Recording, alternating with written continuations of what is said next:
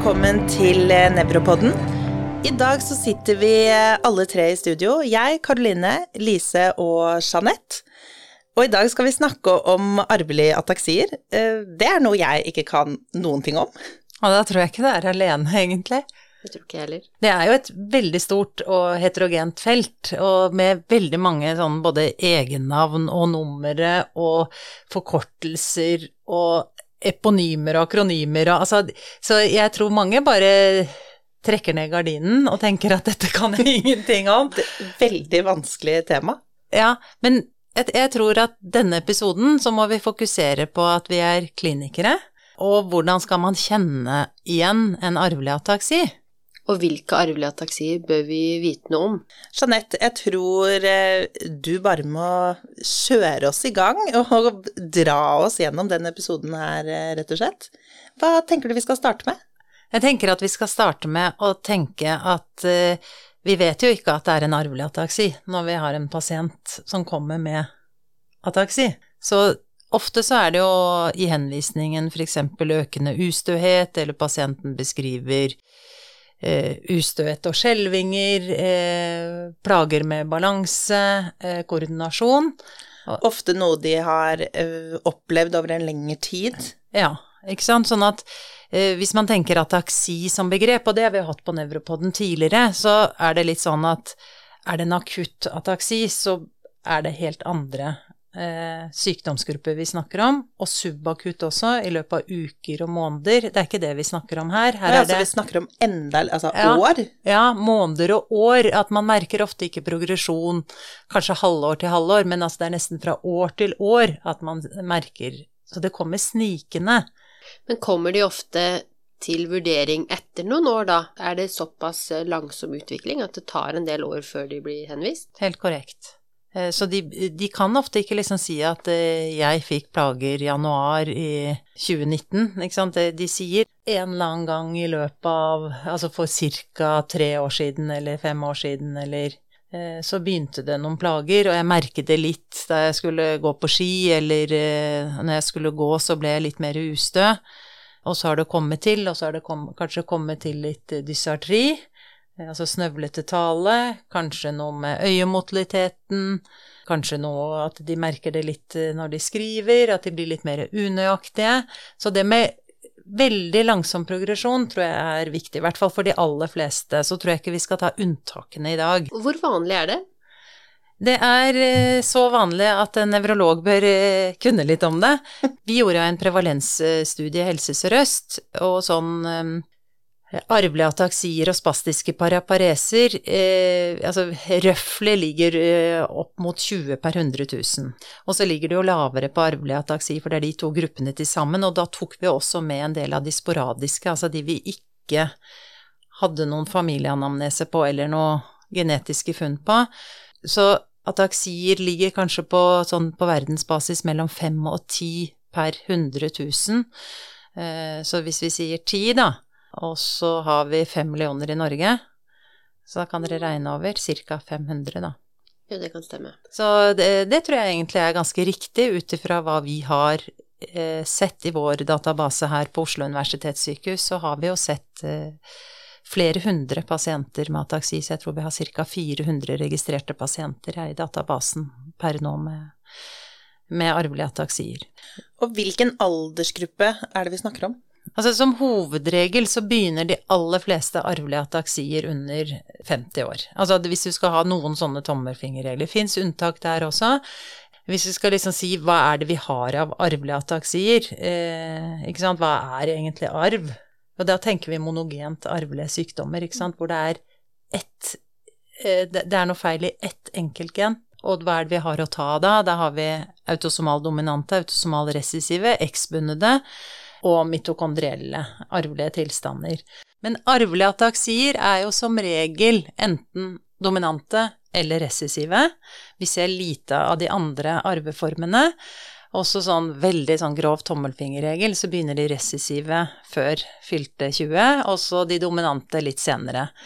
Eh, som sagt, det finnes unntak i alle, eh, alle ender der, men, men det er liksom eh, hovedregelen. Så du har egentlig ataksier i alle aldre, sånn at barnelegene eller barnenevrologene ser jo ofte de recessive. Eh, og så ser, diagnostiserer vi en del av de dominante. Og så har det kommet opp en del recessive ataksityper som begynner senere. Er det ulike kliniske symptomer for de ulike typene ataksiene? Ja, det er noen som har veldig sånne karakteristiske kjennetegn, da. Så hvis vi liksom sier at ja, hovedsymptomet er ataksi Det som jeg syns er utrolig morsomt med å jobbe med ataksier, det er jo at man må være en god kliniker. Eh, så her er det jo sånn som eh, å gjøre en god klinisk undersøkelse og lete etter assosierte funn, for det er noen som har litt parkinsonisme, det er noen som har tremor, det er noen som har sensorisk nevropati, det er noen som har retnopati. Så du kan finne eh, veldig mange funn fra ulike steder i nervesystemet, i tillegg til at det er en del ataksier som også har ulike organaffeksjon, f.eks. Friedreich-ataksi, som er en av de hyppigste recessive ataksiene, har hjerteaffeksjon eller eh, diabetes mellitus. Hvordan er det de merker at uh, symptomene starter? Hva, de, det er liksom at de blir noe ustø? Ja, det, altså for å si at det er en arvelig ataksi, eh, så må på en måte ataksi være hovedsymptomet. Eh, og det er jo veldig mange som har en slumpataksi i sitt symptombilde, og med veldig mye annet. Så hvis ikke ataksi er fremtredende, så er det kanskje ikke en arvelig ataksi, da er det kanskje mer en annen metabolsk tilstand eller en eller annen nevrodegenerativ tilstand med litt ataksi, og da snakker man egentlig om andre sykdommer. Eh, men de som har på en måte blitt definert som primære arvelige ataksier, de har hovedsymptomet ataksi, og da er de ustø, de har kanskje ofte litt dysartri eller snøvlete tale. De kan eh, Altså, det er jo et problem med likevekt, balanse, koordinasjon. Så, så, de kan kanskje ha merket dette over en periode, da, at ja, kanskje de har vært litt ustø når de har gått på ski, eller syklet, eller vanskeligheter med å skrive. Kan det være sånne små ting som, som de merker? Ja, klønete. Mm. Eh, ikke sant. Uorden i bevegelser. Det er jo egentlig det det betyr. Merker de ofte noe endring på synet? Ja, det kan de gjøre, for dette det er jo, ikke sant, ataksi kan jo være ved alle motoriske bevegelser, da, så du kan jo ha oppstykket og hakkede øyebevegelser og problemer med å initiere sakader. Og talen også kan være forstyrret? Ja, og det er ikke sant, den typiske skanderende talen eller uh, snøvlete tall, altså de kan jo høres fulle ut. Men utvikler de symptomene seg også sakte over flere ja, år? det er riktig. Så det er typisk. Og det er ingen øvre aldersgrense? Eh, på når det kan begynne? Ja. Nei, vi har faktisk sett debut by så sent som i 80-årene, altså på enkelte arvelige ataksier, men det er unntaket. Ikke sant? Sånn at vi må tenke vi må ha noen ting å gå etter.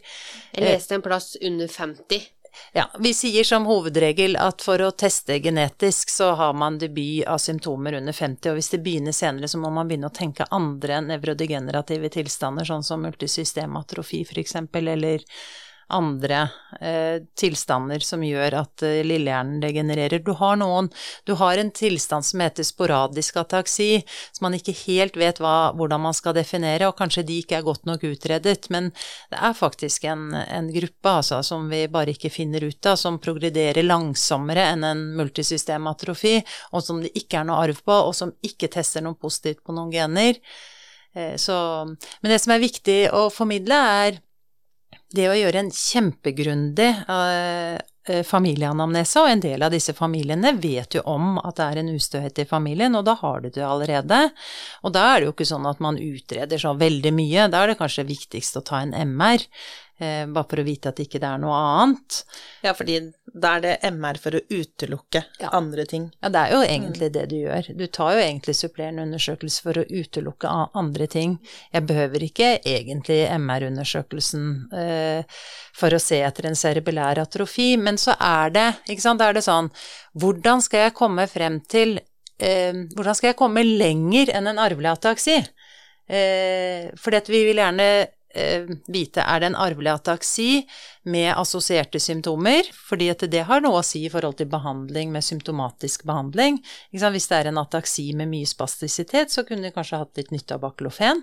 Så det å gjøre en god klinisk undersøkelse og kartlegge tilleggsplager Men så er de tilleggsplagene, de hjelper deg jo veldig inn i liksom hva er det av undergruppe av ataksi. Sånn at noen har litt parkinsonisme, andre har emaljeplager, faktisk, ikke sant, som er en sånn undergruppe, og det er jo bare vi som jobber med det, som vet at å, hvis det er emaljeplager ataksi, så er det en polar 3A. Men, men, dette er jo detaljer ikke alle behøver å kunne, for dette fins det flytskjemaer på. Sånn at hvis du begynner med ataksi, så kan du gå nedover i liksom flytskjemaet og se. Så det første du må vite, er er det en langsom progressiv ataksi som du har utelukket andre sekundære årsaker.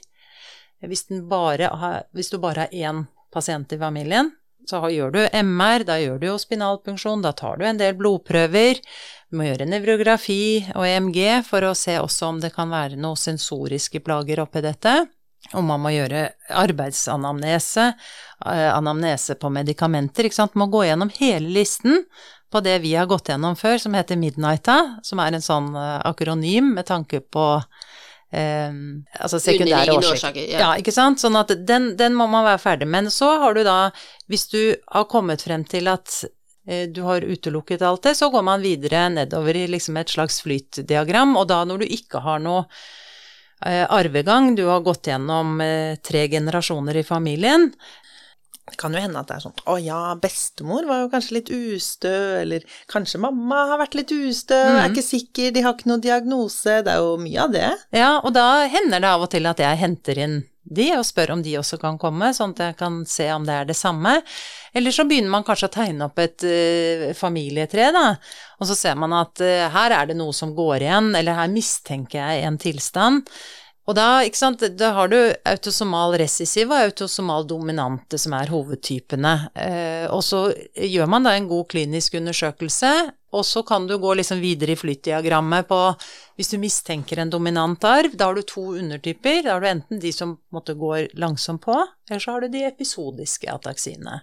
De som svinger veldig, og som gir episodiske Eh, både svimmelhet og ustøhet, eh, og kan faktisk gi en del psykiske plager. Eh, og de er litt viktig å fange opp, men de er litt annerledes enn de nevrodegenerative.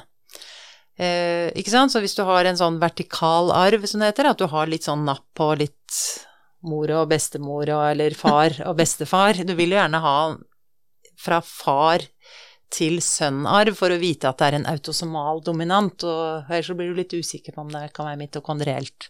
Men det er en annen sak.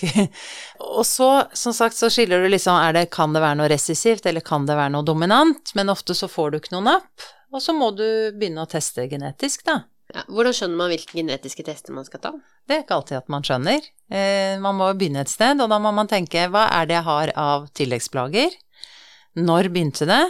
Eh, hvilket geografisk område er pasienten fra? Vi vet jo litt hva vi har i Norge av eh, arvelige ataksier, og vi har faktisk litt andre eh, typer i Norge enn hva, vi, hva, det er i enkelte andre land sørover i Europa. Vi har lite av de som da heter SCA, altså SKA, som ofte de dominante forkortes for, da. De med, som jeg sier, med lave numre, de har vi få av i Norge, altså SKA 1, 2, 3. Og så har vi mange av noen recessive undertyper. Vi har en del av noe som heter canvas, eh, cerebulær ataksi med nevropati, kan, ved, altså eh, vestibulær arefleksisyndrom.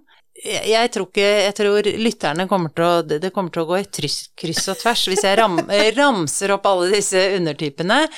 Jeg vil bare liksom reklamere litt for eh, Nevronell og oversikter som ligger ute på Gene Reviews, hvis man ønsker liksom å bli kjempegod på disse undertypene.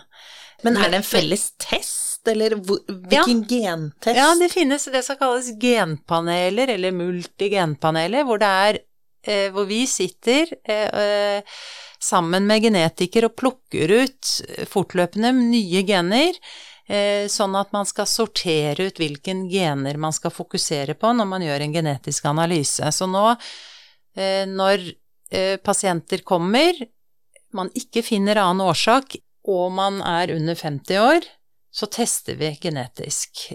Og da har vi plukket spørre, ut disse genpanelene. Fordi vil man ikke teste uansett? Ja, en, altså eh, Si at du har, er i en familie da, hvor du vet hva det er, så kan vi gå rett på den testen. Ja, sånn ja. At, man, Ja, at det det en spesifikk Ja, test. ikke sant? Eh, eller eh, At du ikke trenger å ta hele panelet. Ja. Ja, Eh, eller, eller du er i en familie hvor familien er under utredning, og vi mistenker noe basert på det. Kan godt hende vi starter med genpanel der også, men da har jeg på en måte en tanke om arvetype. Eh, men disse som er isolert, da, at det er bare én person, så er det ofte veldig vanskelig, så blir man aldri helt trygg på hva dette er for noe. Og jeg må bare si at 50% av alle de vi utreder fortsatt på arvelige ataksier, de finner vi ikke noe på, verken på supplerende undersøkelser annet enn kanskje noe atrofi på MR, eller noen på en måte smårufs. Og så finner vi ikke noe på genetikken, selv om vi har flotte genpaneler i dag, eh, som består av 500 gener her på Oslo universitetssykehus, og det er litt designet litt ulikt eh, på ulike steder. Jeg tror ikke jeg skal gå inn på det heller, for da tror jeg bare man skal ringe medisinsk genetikk og høre. Men var det ikke et eller annet om at det ikke dekker for ekspansjonsmutasjoner? Ja, så, eh, man kan godt kalle de ekspansjonspanelene også paneler, Ja. eh, for dette, de består også av flere gener som, som eh, undersøkes da, eh, på en gang. Eh, men akkurat ekspansjonssykdommene, som er litt spesielt sånn som du sier på ataksiene, de analyseres bare i Skien. Ja. Så hvis man mistenker ataksier eh, som skyldes en ekspansjonssykdom, eh, så må man eh, sende til Skien, og da gjør de også enkelte ganger både ekspansjon og videre punktmutasjonsanalyse. Noen ganger så har man ikke mistanke om det, for det er litt mer aggressive ataksier som hovedregel, og de finnes mer sørover. Men vi har plukket ut en del, og noen ganger så har man glemt at de finnes, sånn at eh, der må man eh, Jeg tror egentlig at man bare må spørre noen som kan det litt bedre. Hva skal jeg teste på her? Fordi jeg syns egentlig liksom take home message er gjør en grundig anamnese, finn ut om det faktisk er en ataksi. Eh, Eller er det en, en annen type tilstand? Og dette har vi jo en, uh, Egen episode? ja, en egen episode her Ja. på Nevropoden hvor vi snakker om ataksier. Ja, ikke sant? Og så finn de assosierte symptomene og funnene. Ikke sant? Er det noen tilleggsplager? Ta MR og supplerende undersøkelser, for det finnes noen ledetråder, og det finnes en del ataksier som har ganske typiske funn på MR, med noe sånn høysignal i midtre cerebellære pedunkel eller eh, øvre pedunkel, ikke sant. Det er jo sånn eh, eh, ja, det, det er også bare sånn som vi som sitter av ataksinerder som kan. Er det noen eh, spesifikke typer arvelige ataksier som har noen spesielle særtrekk som du vil eh, trekke frem? Ja, det er, det er ganske mange, men det er, du har jo noen som da vi har funnet i Norge, eh, og jeg tenker at de er viktigst å trekke frem, jeg. Da har du den som jeg nevnte, den Canvas, som er en autosomal recessiv ataksi som eh, ble mm, oppdaget egentlig tidlig, men genet ble funnet eh, ganske nylig. Og det er faktisk en recessiv ataksi som kan starte sent, så den er litt viktig. Eh, Så der er ikke 50-årsgrensen helt, eh, helt korrekt. Er det noen spesifikke kliniske Ja. med den, da? Og de har veldig mye vestibulære plager, ikke sant. Du har det akronymet Canvas, hvor V-en står for vestibulær, og så N-en står for nev eh, nevropati. Så hvis du gjør hodeimpulstest på de, så eh, har de mm, positiv test, da. Altså Bilateralt? bilateralt, ja. Altså det står jo A-refleksisyndrom, ikke sant. Den A-en og S-en til slutt står for det, men det er ikke helt A-refleksi kanskje, men i hvert fall dårligere reflekser, da. Eller forsinkede reflekser. Eh, Så de beskriver en ustøhet, men som blir veldig mye mer f.eks. uttalt når de beveger hodet når de går på tur. Eh, Det blir kjempeustø. Sånn at de har ikke den oklosefale refleksen som, eh, som man skal ha da.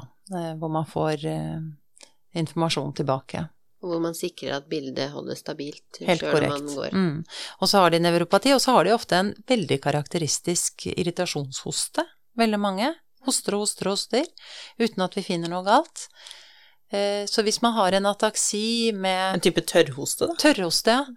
Hvis man har en ataksi som går langsomt på, med nevropati, hoste og vestibulære plager, da er det en canvas til det motsatte er bevist, tenker jeg.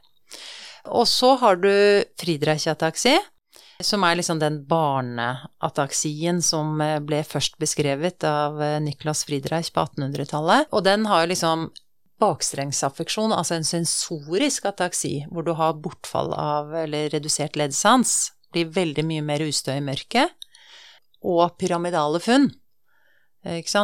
Ofte liksom kombin bortfall av reflekser i beina med tydelig inversjon. Det er ikke så veldig ofte vi ser ellers. Har de også PS cavus? Helt korrekt. Eh, Hva sa du, Lise? Hulfot. Ikke sant, så de kan også ha nevropati. Eh, og så har de um, ofte De får, kan få etter hvert diabetes, eh, mellitus, skoliose og hjerteaffeksjon, og den progrederer raskt. Og så har man Altså, jeg kan jo egentlig sitte her i det uendelige, men jeg tror ikke jeg skal liksom bruke masse tid på det. Eh, man har ataksier med typiske funn på retina. Man har ataksier med andre typer bevegelsesforstyrrelser.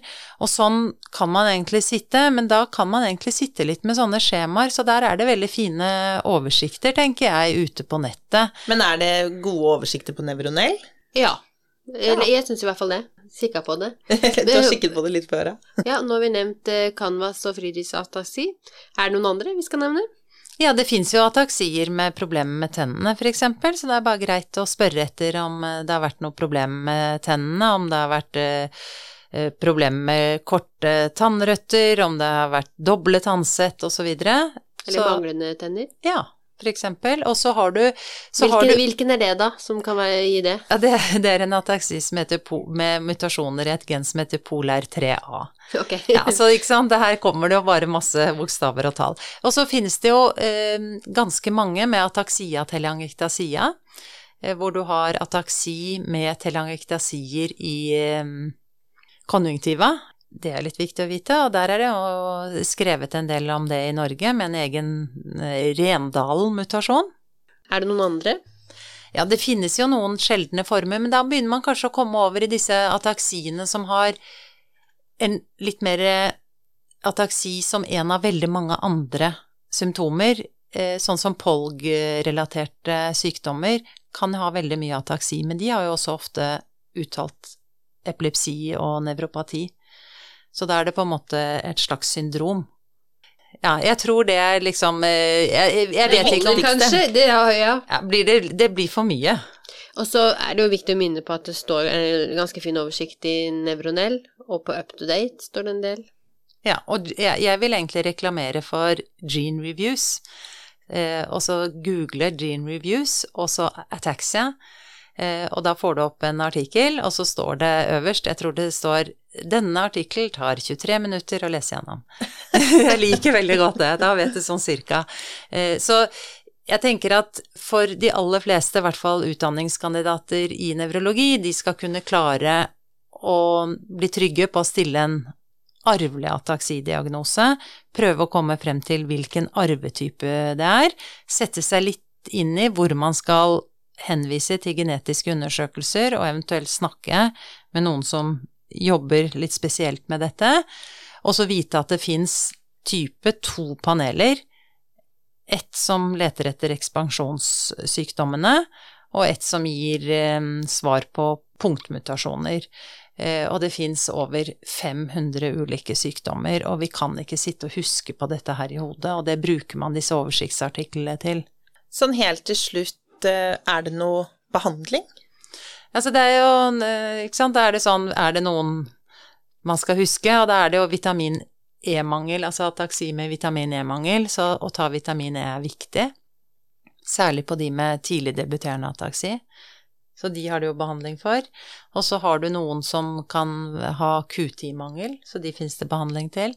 Men sånn røftlig sagt så er det jo Det fins ikke noen behandling for arvelige ataksier ellers. De er nevrodegenerative sykdommer, men det er mye på gang. Jeg tror vi har fått med det meste, egentlig. Jeg tenker vi kan mye mer nå enn ja, men jeg, ja, men jeg tror egentlig at dette er et litt vanskelig felt òg, jeg. Jeg ja. kjente det at det er ikke lett å, å, gi en kort oversikt på dette feltet når det er så mange undertyper. Det viktigste er vel å snakke litt om hvordan man skal tenke. Nei, men da tror jeg vi avslutter for i dag, jeg. Ja.